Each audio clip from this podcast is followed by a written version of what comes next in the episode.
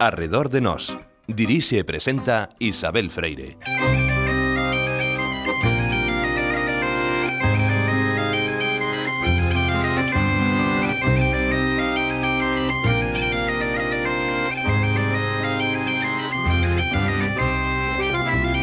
Unha muller do 19 con música nas mans. Oxe, Eugenia Osterberger,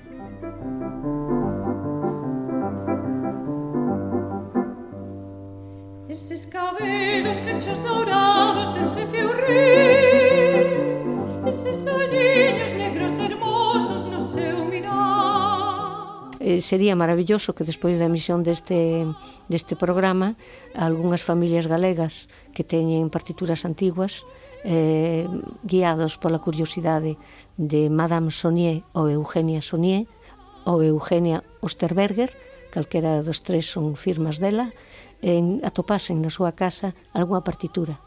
Eu estou completamente convencida de que esas familias antigas e cultas que temos en Galicia eh, de algunha maneira teñen que ter algún material que teña que ver con Eugenia Osterberger, Madame Sonier ou Eugenia Sonier. Pois é que atopes entre las voces na súa pasión Unhas cantas partituras, cartas a Canuto Berea e algunha reseña de xornal. Ese é todo o material que posuímos sobre a pianista e compositora galega Eugenia Osterberger. Agora, grazas á investigación emprendida polas profesoras Rosario Martínez e Beatriz López Suevos e a voz da soprano Susana de Lorenzo, podemos escoitar a súa música e divulgar a súa historia.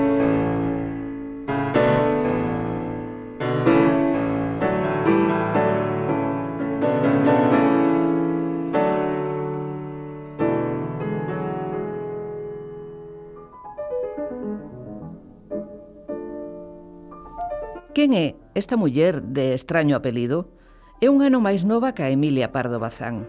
Naceu, por tanto, en 1852 e recibiu os nomes de Prudencia, Eugenia, Juana Osterberger Luart.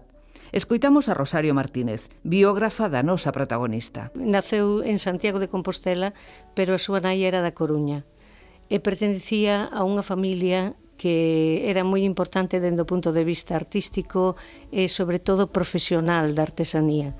Seu pai, Jorge Osterberger, procede dunha localidade do Baixo Rin, na Alsacia francesa. Establecido na Coruña como litógrafo, casa con Emilia Luar Álvarez, filla de Enrique Luar Falconier, un prateiro grabador e fotógrafo suizo residente na Coruña, e Bernarda Álvarez, natural de Monforte. E Jorge Osterberger foi un litógrafo de primeira magnitude que aqueles que estudian as litografías ou todas as obras maravillosas da imprenta galega eh, forzosamente se ocupan del e do que fai. Se foron a vivir a Santiago porque Jorge Osterberger eh, empregouse na imprenta que tiña Antonio Rey. bueno, nos arquivos eh, arzobispales de Santiago atopei o seu nacemento, o seu bautismo. Ela eh, naceu na Rúa Nova e pertenecía á parroquia de, da Corticela. Poucos testemunhos de educación máis temperá de Eugenia chegaron ata nós, pero levan a pensar que a súa aprendizaxe foi máis aló do que se consideraba xeitado para unha rapaza naquela época. O ser fillos de unha persona estranxeira eh, e, e unha galega o que lles deron foi unha educación mixta. Por lo tanto, educación francesa e educación galega. Entonces, tanto Eugenia como seus irmás, pero vamos, eu estou falando de Eugenia, falaba perfectamente galego, castelán e francés. Música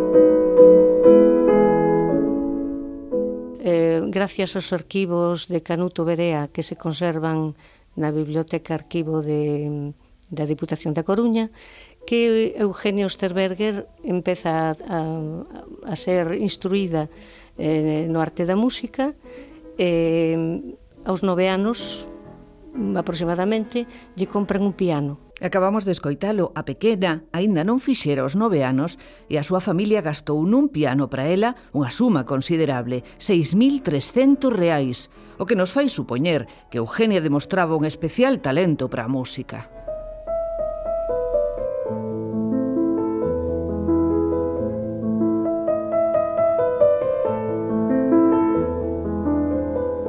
Está claro que ela sigue tocando, O feito deducimos, ademais desta compra, que esa cantidad de cartos para unha nena de nove anos só é un indicio de que a nena realmente respondía, que tiña talento para a música, e posteriormente encontramos nunha, nunha obra dunha condesa belga, unha tal condesa de Robesart, Juliette de Robesart, un, a obra titúlase Lettre d'Espagne, unha alusión á propia Eugenia Sternberger.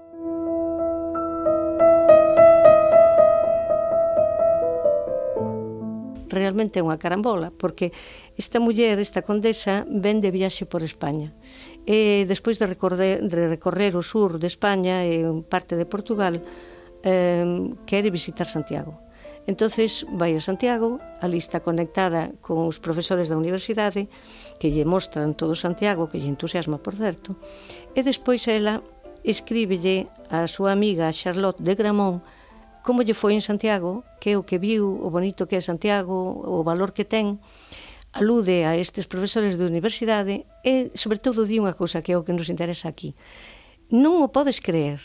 Estou acompañada por unha moza mitá francesa, mitá galega, que mm, que me fala perfectamente eh, o francés de París. Escoitamos tamén a Beatriz López Suevos, profesora de música e investigadora. E aquí o que eh, influe máis é o ambiente familiar. É dicir, eh, o pai eh, era unha persoa que, que que ben que apoiaba e favorecía que, que se formase a súa filla, non era habitual isto na época, non? porque a formación para as mulleres non, non, non se vía como unha necesidade ou como algo evidente como vemos hoxe en día. Viron que tiña condicións e tiña aptitudes, pois eh, a familia podía decidir cortar esas aptitudes e deixar que non crecesen máis ou ben apoiala, que foi o caso.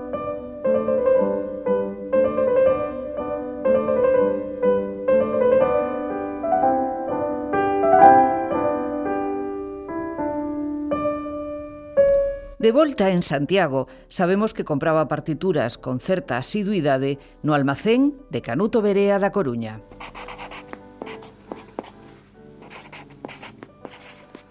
Santiago, octubre de 1874. Señor don Canuto, le ruego me mande usted lo más pronto posible la sonata patética de Beethoven y la invitación al vals. Me pondrá usted también el título de las bonitas piezas que tenga en este momento, a fin de que pueda escoger y comprar algunas si las encuentro a mi gusto. Sin más, reciba usted de papá sus afectuosos recuerdos y al mismo tiempo los de vuestra servidora, Eugenia Osterberger. Postdata. Temo no haberme bastante claramente explicado. Quiero decir que me haga usted el favor de mandar con las piezas que le pido la nota de todas las piezas que posee usted Pienso que la tiene usted por escrito así, que la he visto siempre en Francia. Eugenia, que tiña daquela 22 anos, inclúe na posdata o detalle de que estivera en Francia. Sabemos tamén que mm, estivo eh, completando a súa formación en París e tampouco sabemos ali quen foron os seus profesores e que tipo de música tivo acceso ela. Pero que sí que sabemos eh, pola súa produción ela, que era estaba totalmente ao tanto de todas as modas eh, eh musicales da época, dos tipos de pezas que se interpretaban nos salóns, etc. O sea, que tivo unha formación mm, importante, o que non sabemos é delimitar quen foi o seu profesor, porque non o hai. Un ano despois, o 19 de outubro de 1875, el Diario de Santiago publica un anuncio. La señorita Eugenia Osterberger, profesora titulada en París, abre el 1 de noviembre próximo un curso de francés para señoritas, Rúa Nueva, número 4. En a mesma páxina, unha pequena información. La señorita doña Eugenia Osterberger abre de nuevo en su casa Rúa Nueva, número 4, la enseñanza del idioma francés En el lugar correspondiente verán nuestros lectores el anuncio y no tememos pecar de oficiosos al recomendar las especiales circunstancias que para la enseñanza reúne tan simpática como ilustrada señorita, que a la par es una excelente profesora de piano. Outro detalle parece indicarnos que, ademais de intérprete e compositora, Osterberger daba clases de piano, polo menos en 1878. Unha carta do delegado de Canuto Berea en Santiago, Manuel Penela, dá conta da entrega dun piano vendido trala aprobación da señorita Eugenia Osterberger.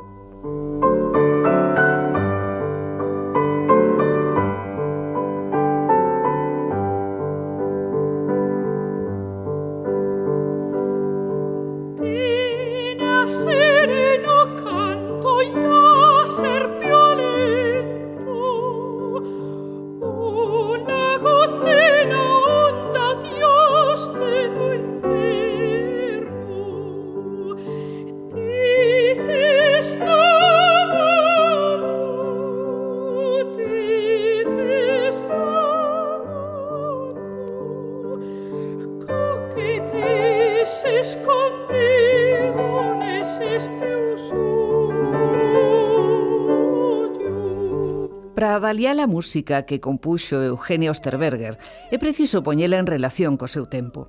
Estamos no derradeiro cuarto do século XIX. En Galicia salientan os nomes de Xoan Montes, José Castro González, coñecido como Chané, José Valdomir, Enrique Lenz, o propio Canuto Berea, Florecen os coros e o regionalismo impulsa a música popular. Xoan Trillo, director de orquestra e compositor, reflexiona sobre ese tempo. É unha época de unha enorme floración de coros, eh, casi todo ese tipo orfeón, quer decir, coros masculinos, feito casi todos os compositores desa época, a música que teñen para coro, a maioría é para orfeón, non para coro mixto. Entón, eh, son, eu creo que esos factores son os que a burguesía, porque, bueno, hai un un certo nivel económico que permite ter pianos, ter instrumentos e tal, e nace eh, un factor fundamental que é o racionalismo.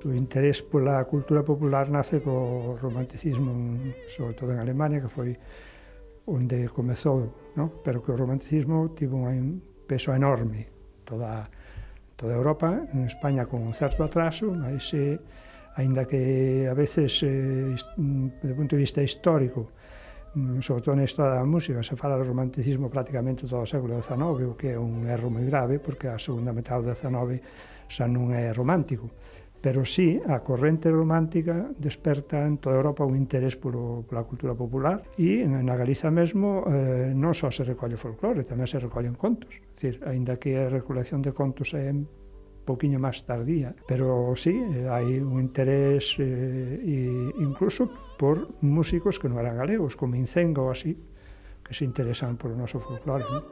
Poeta,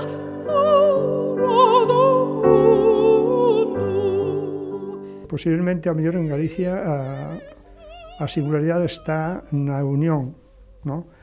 entre o racionalismo a, quer dicir, hai, hai, que, hai que lembrar a importancia tremenda que teve na segunda mitad do 19 o, a reutilización do galego como lingua literaria, no? o peso impresionante que teve, que teve Rosalía na cultura de non só popular, pero que, quero decir, Rosalía e Curros eh, había moitas casas nas aldeas que tiñan cantaras da miña, aires da miña terra ou os cantares galegos, non? Sereno canto ser Está por unha parte o rosinalismo, pero tamén está a chamada música de salón. Cando Montes ou Valdomir escreven as súas cancións, aí temos unha mistura do que é o gosto popular, pero tamén que é o lead, o sea, a canción, canción, ¿no? E quizá Montes nese sentido é o, o máximo de toda a nosa historia da música, ¿no? Son as cancións, son cancións moi galegas, mas ao mesmo tempo son cancións que podíamos dicir de concerto, no sentido de que é o lead, ¿no? O sea, a canción na que un texto poético alcanza unhas dimensións superiores, ¿no? Música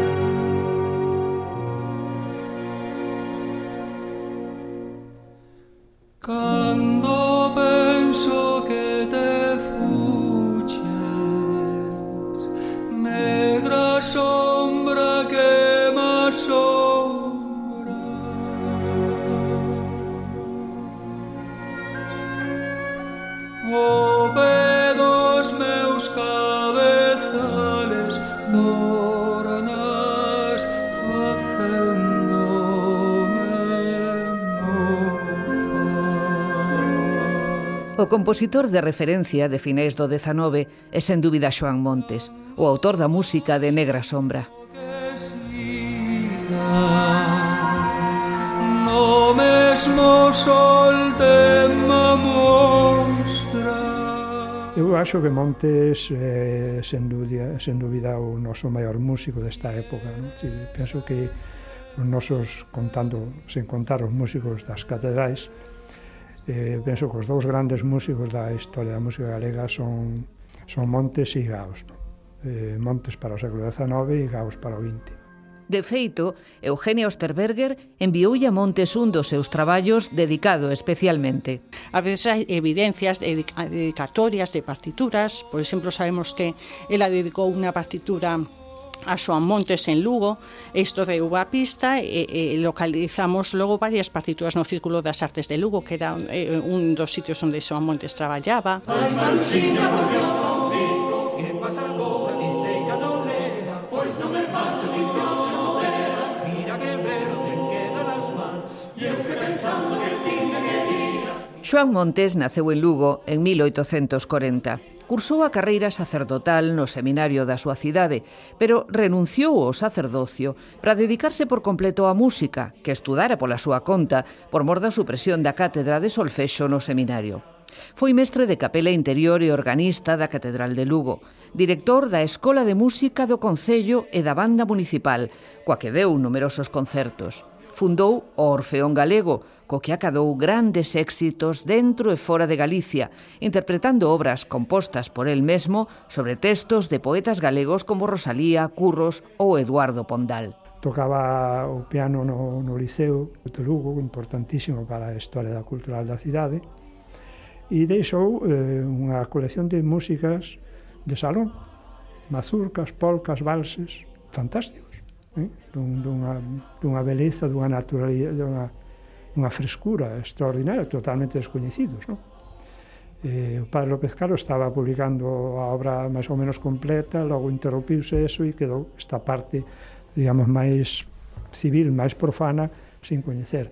Pero é interesantísimo porque ten pezas eh, a catro, para piano a catro mans, ten unha peza incluso para piano a seis mans, o sea, para tres personas, ten unha obra para a eh, man esquerda, dificilísima, que eh, habría que comparar coas obras cando empeza a literatura para a man esquerda en Europa, había que comparar, pero pode ser que, as, que a de Monte sea das máis antiguas.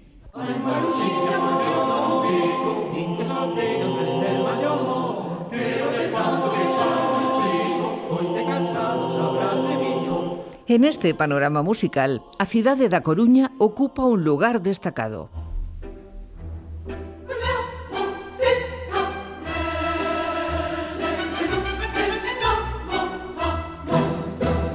aí había un ambiente musical, non? Sido parte da, do descubrimento desta señora Osterberger, está o Francisco Pillado, está o Canoto Berea, está o Valdomir, quer dizer, aí hai unha está antes a Daliz, e logo había varios orfeóns, algúns deles aínda viven.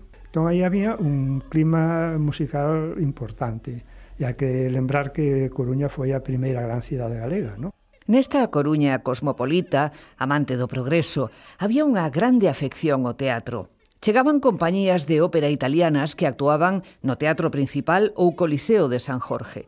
Pascual Veiga creou el Orfeón Coruñés en 1878 e, como xa dixemos, Chané, Pillado ou Canuto Berea facían posible unha atmósfera propicia ao cultivo da música, a que había que sumar as bandas militares. Como a cidade era a sede da Capitanía Xeral, as agrupacións militares facían as delicias do público desde os xardíns de Méndez Núñez. Música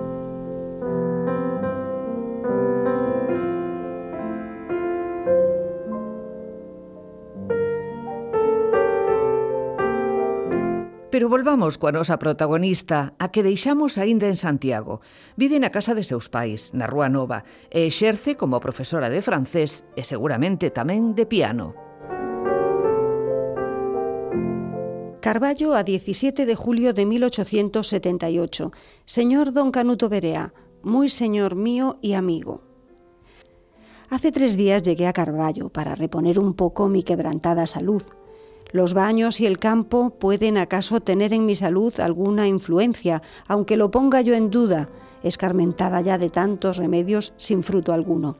Pero ahí no está la cuestión. Como huyo del aburrimiento y que la gente me estorba muchas veces, quisiera alquilar un piano para mi recreo particular. Durante toda la temporada que pase en Carballo, que supongo será todo el verano, pido a usted el favor no me lleve caro, pues Aseguro usted que estoy completamente tronada este año por no haber dado lecciones. Así pues, tened compasión de las personas y de los bolsillos enfermos y crea usted que se lo agradecería en el alma. Ya sabe usted que no los echo a perder, de modo que si pudiese no ser muy malo me vendría bien. Al tío justo no diga usted nada de esto, pues creen que teniendo un piano en casa me voy a matar a fuerza de estudio. No, no es más que un medio de distracción en mis horas de hastío. Queda su amiga y afectísima servidora, esta pobre enferma, Eugenia Osterberger. Me dice usted el precio del alquiler y el del transporte a esta. La casa es cómoda para hacer subir el piano, no tiene más que un piso y la escalera es ancha. Si es que me convence, ya le digo a usted cuándo tendrá que enviarlo. En casa de don Santiago Neto, cirujano, Carballo. A falta de saúde da compositora era unha constante ao parecer, porque se queixa varias veces en cartas escritas en distintas épocas. Non sabemos que doenza padecía, pero en todo caso condicionaba de maneira importante o seu día a día. A súa alusión ao feito de non haber dado lecciones aquel ano pode ser unha consecuencia da enfermidade e en canto ao temor do tío de que dispuxese dun piano, semella que lle dedicaba moitas horas ao día. Canuto Berea quizáis non quixo contradicir o tío, o caso é que non chegou a envialo piano. Eugenia perseverou na súa demanda. Moi señor mío e amigo, de veras que me causou verdadero pesar su carta de usted. Estoy enferma y estos días sin poder salir de casa por tener una especie de tumor en el lado izquierdo que no me deja salir al campo a disfrutar de la libertad, me aburro de muy mala manera. Tiene usted que hacer sin remedio un sacrificio y mandarme un piano, sea como sea, con tal de que no sea una sartén, aunque supiera de pagar más y bastante más. Puede usted juzgar de mi deseo. Yo bien pudiera aprovecharme de, de la fonda, y a cada paso me invitan para que toque, pero allí sería para los oyentes y me haría esclava de un placer que reservo para mí sola en la temporada de recreo. Se lo pido a usted encarecidamente Ayude usted con su complacencia a ponerme buena. Cuento con usted y le doy anticipadamente las gracias. No destruya mis esperanzas, que harto las destruye mi rebelde enfermedad. Es de usted, afectísima servidora y amiga, Eugenia Osterberger, en casa de don Santiago Nieto. De todas maneiras, as dúas eh, cartas son eh, ao meu xuicio moi interesantes para poder darse unha idea do temperamento dela porque expresa que a música e o piano eh, realmente é a súa alma que sin eles eh, está totalmente vacía.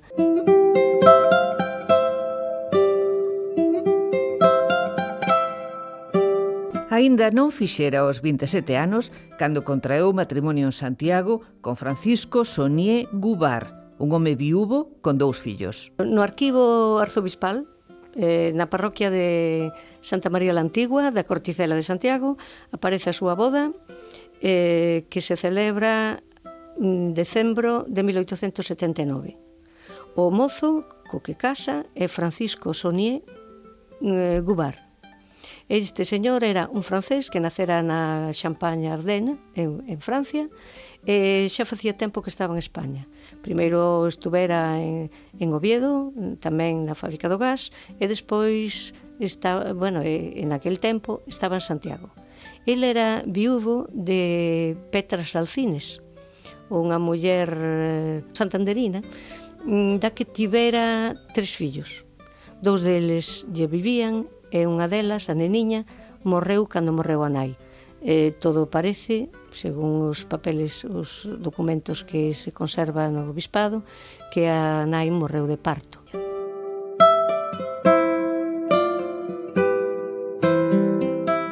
A boda ten lugar a, a fines do 79, meses despois xa aparecen nos censos da Coruña. Viven na calle da Industria, viven na calle do Socorro, eh, ao final mm, pasaron bastantes anos nun chalé que fixeron adrede, ao lado da fábrica do gas.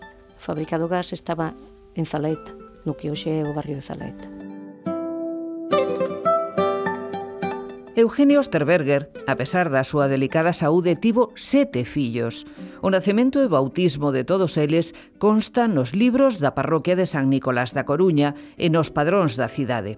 Hai probas de que dou clase de piano na súa casa para fillos de amigos. E unha das probas, por exemplo, é que mm, Pili Castillo, Pilita Castillo ou Pilar do Cast del Castillo, unha das pianistas máis brillantes daqui da Coruña, era alumna dela.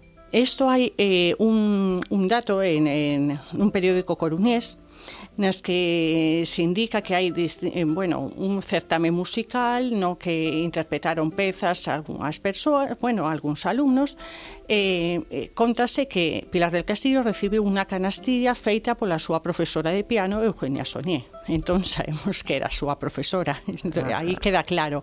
Pero non temos outro tipo de evidencias son estas eh, pequenas notas así de sociedade que aparecen na prensa da época. Nos anos nos que vive na Coruña Eugenia ocupa un lugar de consideración na burguesía da cidade non só pola posición económica e social do seu home senón tamén polo prestixio da súa familia materna e pola súa propia capacidade, inclinación artística e cultura. A pesar dos seus continuos embarazos e da crianza dos fillos, participou na vida cultural e social da Coruña.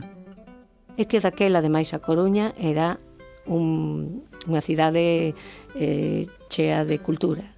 Aquí viñan compañías de ópera italiana, era unha sociedade culta, acostumbrada a ver bon teatro, a oír boa música, eh, que tiña unhas minorías cultas eh, a burguesía coruñesa era moi liberal, moi aberta, moi internacional, viaxaba con moita frecuencia e incluso mandaba os seus fillos, os máis ricos, mandaban os seus fillos a educar fora.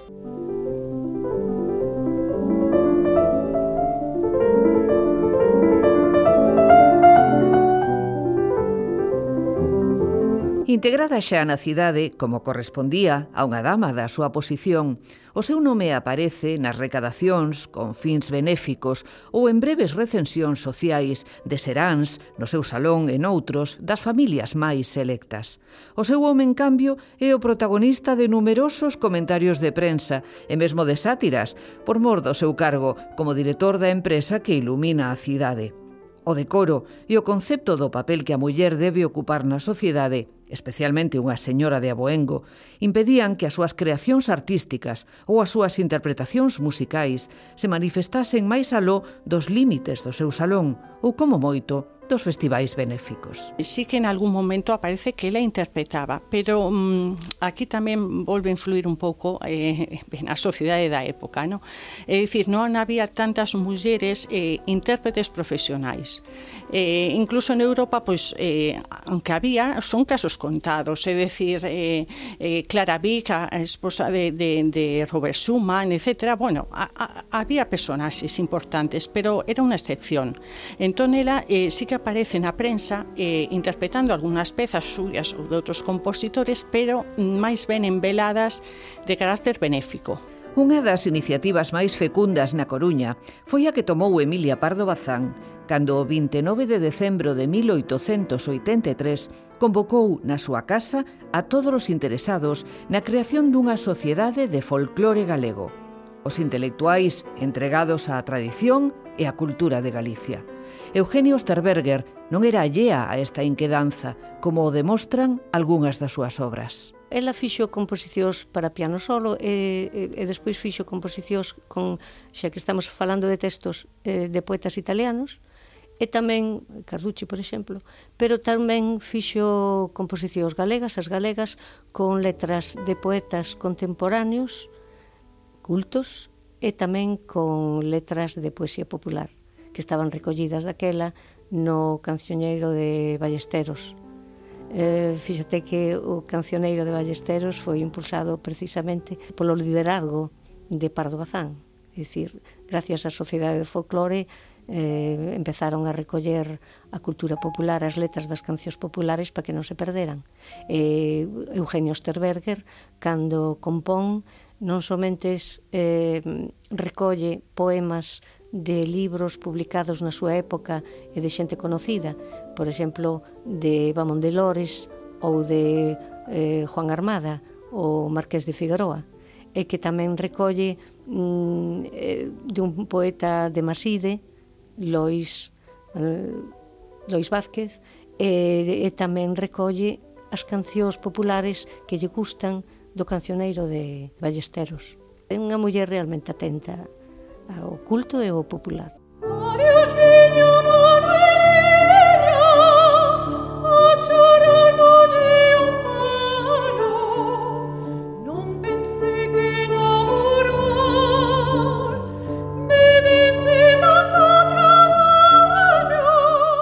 as melodías galegas pareceme preciosas. Son eh, e que para min emocioname o mesmo que as de Chané, que as de Valdomir, que as de Marcelela Daliz, e, é dicir, para min está mm, é unha compositora máis ao nivel delas algunha eh, pareceme preciosa. Estamos escoitando a música de Eugenio Osterberger. O 30 de decembro de 1907, o xornal Región Galaica, órgano do Centro Gallego de Buenos Aires, publicaba o seguinte. Hemos recibido de nuestra estimable coterránea señora Eugenia Saunier, de La Coruña, 25 ejemplares de su obra musical Cántigas y Melodías Gallegas, dedicada al Centro Gallego de Buenos Aires.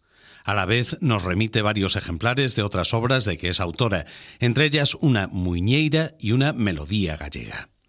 En afectuosa carta nos relata su amor por Galicia y nos expone su satisfacción porque los cantares de nuestras aldeas suenen algunas veces en esta tierra donde residen tantos corazones gallegos. Su altruismo también se manifiesta al decirnos que el producto de sus composiciones lo destina a obras de caridad y que el resultado que obtenga de este primer cuaderno que nos dedica está destinado íntegro a las colonias escolares de La Coruña, de cuya junta es secretaria. ten dous fontes importantes. Unha delas son eh, poetas galegos contemporáneos delas, é dicir, non recorre eh, a poetas eh, bueno, precedentes delas, senón poetas aos que probablemente ela coñece. Entón, ten, eh, de Carlos Bahamonde, de Lois Vázquez, do Marqués de Figueroa, entón, eh, poetas contemporáneos dela eh, la posmúsica aos seus poemas. E logo tamén ten a, a fonte popular. É dicir, eh, os poemas eh, recollidos no cancioneiro eh, popular galego de José Pérez Ballesteros que son eh, as oito cántigas e melodías galegas que ella adica o Centro Galego de Bos Aires en 1907 que, bueno, ela dedicoulles porque creouse ese centro nese ano, entón ela eh, pois por colaborar, no, nesta iniciativa, pois enviou algunhas partituras suyas, en concreto esas cantigas e melodías que lles adicaba ao centro. Música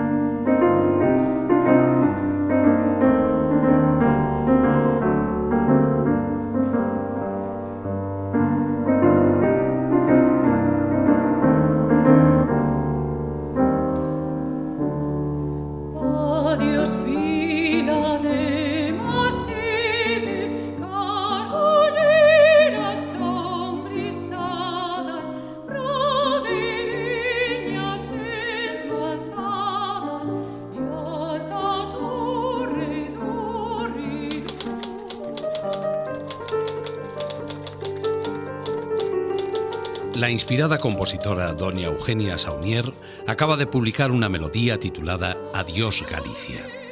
Los que conocen la nueva producción de la notable artista hacen grandes elogios de ella, lo cual no es de extrañar, tratándose de la señora Saunier, tan ventajosamente conocida en España. La obra está editada con lujo por la Casa Zozalla. Fala, pois, bueno, o tema é, é moi habitual, non? En toda a poesía galega, o tema da emigración, o sentimento da saudade da emigración un soldado que parte de Maside, cheo de melancolía, e despídese da paisaxe da súa vila. Entón, eh, esta peza, ademais, eh, é eh, curiosa porque converteuse no himno de Maside Esta foi un, ademais unha partitura que se editou eh, nunha edición de luso na editorial eh, Zozalla de Madrid. Ben, a esa, esa edición del uso non podemos acceder, pero eh, proporcionaronos unha copia privada un estudoso de, de, bueno, de, da terra de Maside. Música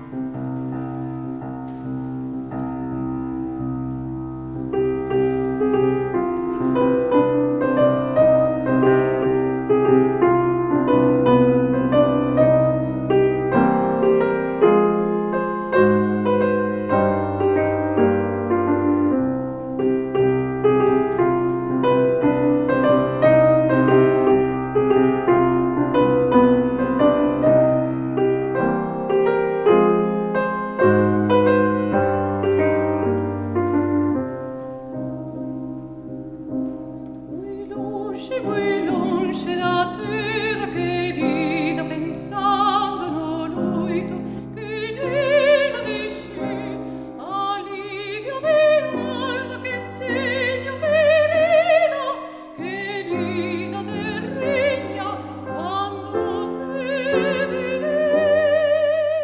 poema é de Carlos Bahamón de Lores, eh, da familia Bahamón de Lores, moi unida á Real Academia Galega. Eh, foi escollido eh, mm, ben por Eugenio Sterberger esta, este poema expresa a morriña o sufrimento do emigrado, o verse lonxe, moi lonxe da terra querida, non? e, e o seu consolo eh, bueno, o basea na esperanza de poder volver a Galicia natal e abrazar a súa ana. Eses cabelos que dourados, ese teu río Eses olliños negros hermosos no seu mirar foi eh, a editada pola Sociedade Anónima Casa do Tesio de Madrid no ano 1913. Bueno, eh, eh, nela eh, unha nai fala ao seu fillo e o advirte de que non debe esquecer a súa nai por ninguna outra muller, porque o amor constante das nais é firme e perseverante, é dicir, non hai nada como o amor das nais.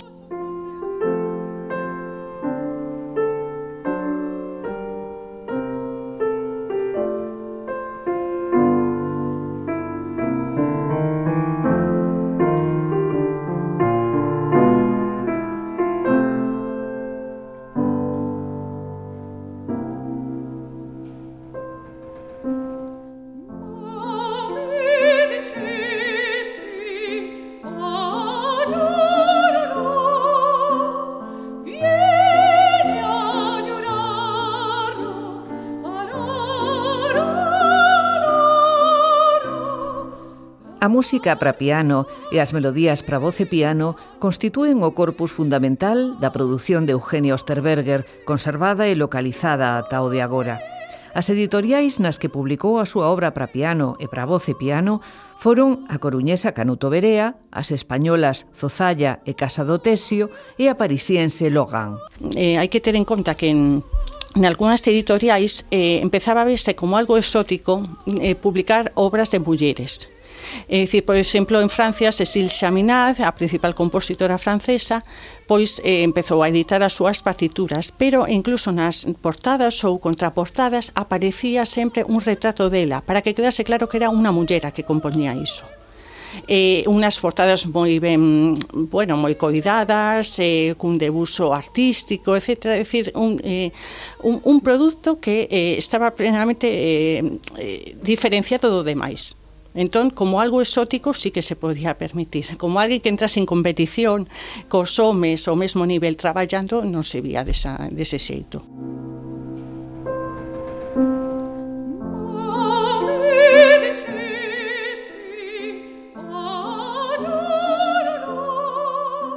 cremos que debe haber eh, edicións propias eh, dela ou um, mm, de outras composicións nas que era fala, fai alusión ou que aparecen algún tratado e que non localizamos. Eh, sería maravilloso que despois da emisión deste, deste programa algunhas familias galegas que teñen partituras antiguas eh, guiados pola curiosidade de Madame Sonier ou Eugenia Sonier ou Eugenia Osterberger, calquera dos tres son firmas dela, en, atopasen na súa casa algunha partitura.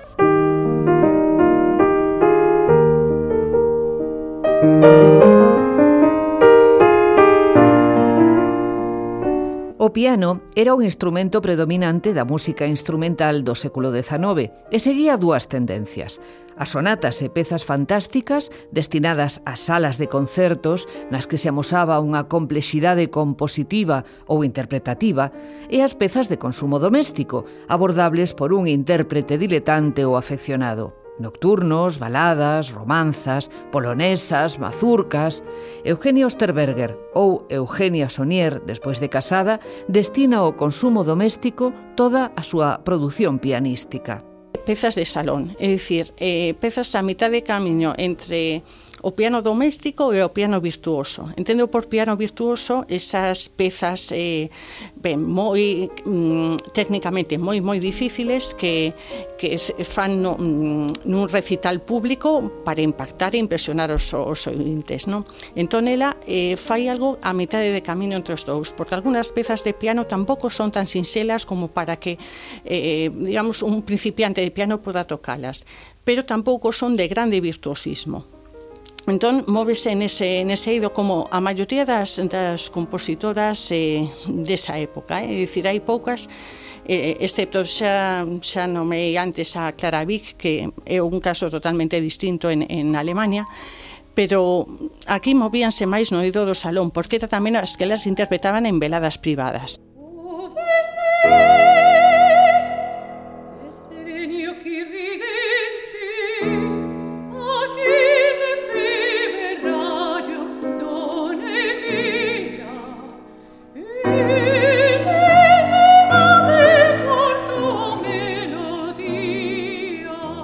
música de Eugenio Osterberger que escoitamos neste programa procede dunha grabación que realizou o Servicio de Produción da Radio Galega do concerto celebrado no Museo Galego de Arte Contemporánea de Santiago o 12 de xuño de 2014 con Beatriz López Suevos o piano e a soprano Susana de Lorenzo como intérprete.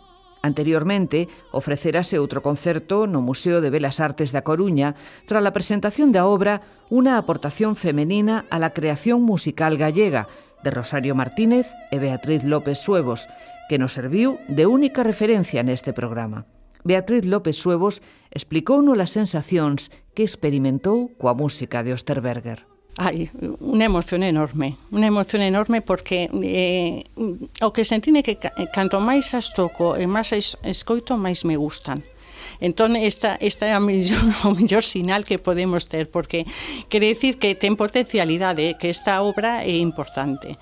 Eh, eu estou estudando dende fai moitos anos moitas pezas para piano do, do 19, estudiei as romanzas en palabras de Adalid, eh, eh, bueno, eh, leo, levo estudando e, eh, en fin, e analizando moitas pezas para piano de, de a segunda metade do 19 eh, estas pezas parecenme interesantísimas. E, eh, e desde logo as pezas eh, para, para voz e piano son preciosas, preciosas. Entón, eu creo que cando a xente escoite, eh, polo menos é o que confirmamos en, en cando as presentamos en Coruña Santiago, é que na primeira audición, a primeira vez que a xente as escoita, xa lles gusta Entón, claro, se ainda se escoita máis veces, cada vez eh, gosta máis, non? Eh, as, as pezas importantes ou as boas pezas compostas, canto máis se escoitan, máis gustan.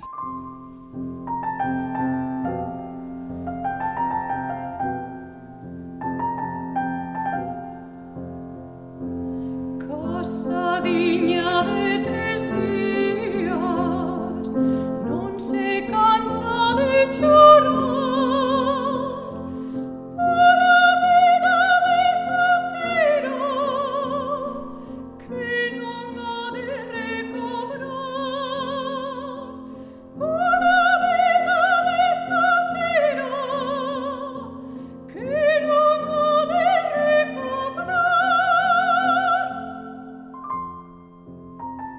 A soprano Susana de Lorenzo refírese á proposta que recibiu da profesora López Suevos. Ela faloume dun, dunha investigación que estaba a facer, etc., e que se podía escoitar unhas pezas. Entón, eh, veu a miña casa e empezou a tocar. Eu, bueno, enseñoume as partituras e empezamos a mirar por riba, non? eh, me preguntaba que que pensaba eu, decía que me parecían unhas cancións moi bonitas, con moitas posibilidades. Eu nunca escoitara nada deso, claro. Eh, entón empezamos a quedar, incluso hai eh, problemas nas edicións das partituras eh, entre as dúas, máis ela que, que a min, claro. Eh, facíamos a ver que, como podía quedar, etc. Quedamos muchísimas, moitísimas veces, eh, cada día... Eh, non sei, gustábanos moito máis, a mí polo menos eh, xa dixen moitas veces que a mí Osterberger enamoroume. O que eu procurei, porque claro, como non había ninguna referencia anterior, que eso tamén é importante, ao non ter na, ninguna grabación, nada en que ampollarnos, pois era como partir de cero prácticamente, non? Eh, intentamos, creo, facer eh, o que a música nos pedía, que era elegancia sobre todo. Me parece que son unhas pezas elegantísimas.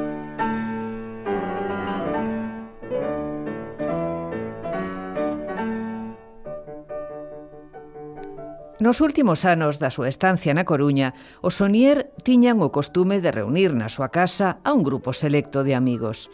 Nestas reunións, ademais de conversaren, lían poemas e interpretaban música. A prensa local dá noticia delas, e no arquivo Canuto Berea hai notas de Eugenia Osterberger de Sonier que o corroboran.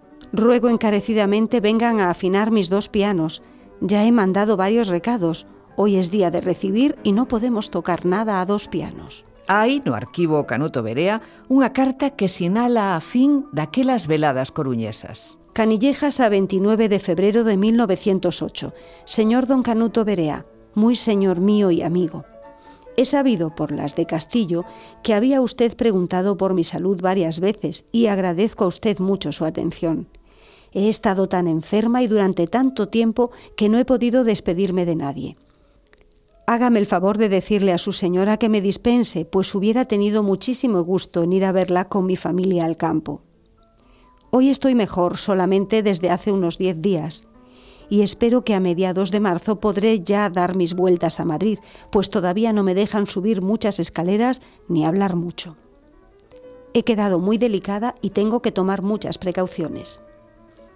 Agradeceré a usted mucho me envíe en cuanto pueda hacerlo dos pavanas, dos insinuantes y dos fileuses.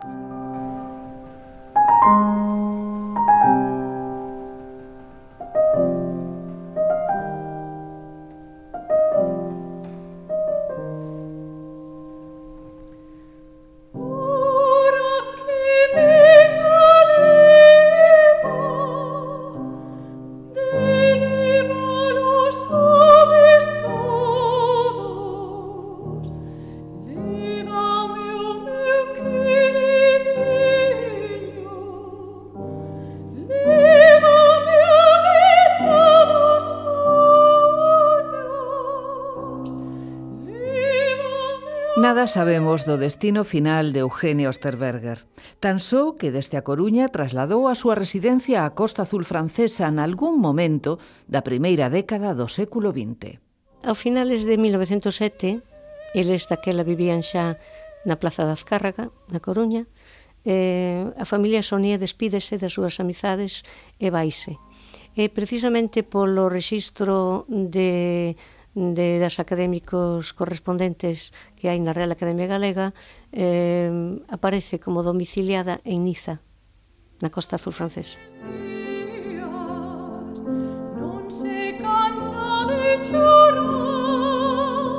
Eu supoño que o que pasou é que o xubilarse o home, Francisco Sonier, eh, se situaron na Costa Azul francesa porque atopei nos libros de a parroquia de San Nicolás da Coruña unha nota eh, ao marxe da partida de nacemento de unha das súas fillas, a máis nova, eh, donde aparecía que esa filla, esa rapaza, se casara na Costa Azul francesa.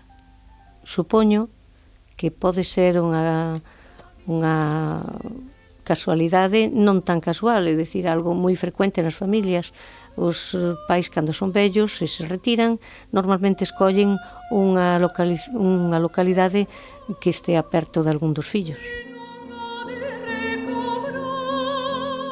En principio, non sabemos nada da súa familia, non temos ningún dato por onde seguir a investigación. Se alguén posúe algunha partitura de Eugenia Osterberger ou Madame Sonier ou coñece algún dato que sirva para continuar esta investigación, pregamos que non lo comunique. De todas as maneiras, é tremendo, porque eu, escudriñando nos arquivos, encontrei máis de, de unha dúcia de partituras.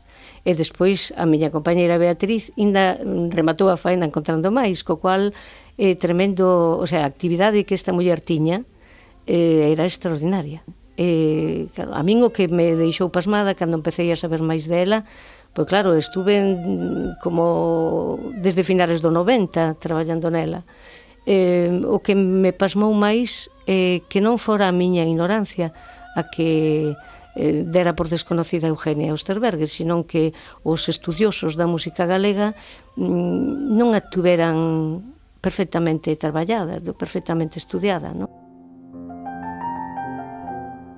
Eu penso que eh, a culpa de todo isto, da súa ocultación, foi o seu apelido. Probablemente non pensaban que era unha muller galega e que facía eh, música galega non por, diríamos, por compromiso como pode facelo calquer estranxeira que pasa por aquí, sino como algo moito máis esencial. Música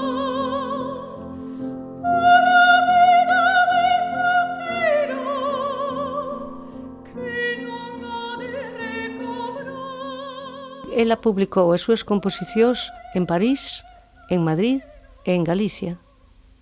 Entonces, no seu tempo tuvo que ter a súa resonancia. O que pasa é que, claro, hai que darse conta tamén que unha muller do século XIX que se metía nun terreo que era de homes, en este caso a composición musical, como podía ser a literatura ou podía ser outro campo calquera mm, no que traballaban os homes, pois non era unha muller moi ben vista. A propia Rosalía de Castro mm, ten escritos moi moi reveladores a este respecto, non? Eh, unha muller que lle pide consello para publicar as súas obras lle dice non se te ocurra publicar as mulleres te van criticar te van a chamar sabionda eh, creída e os homes van a decir que eres eh, non dice marimacho, pero, pero vamos, é dicir que non entraba dentro do, do concepto de decoro que tiña que guardar unha muller daquela.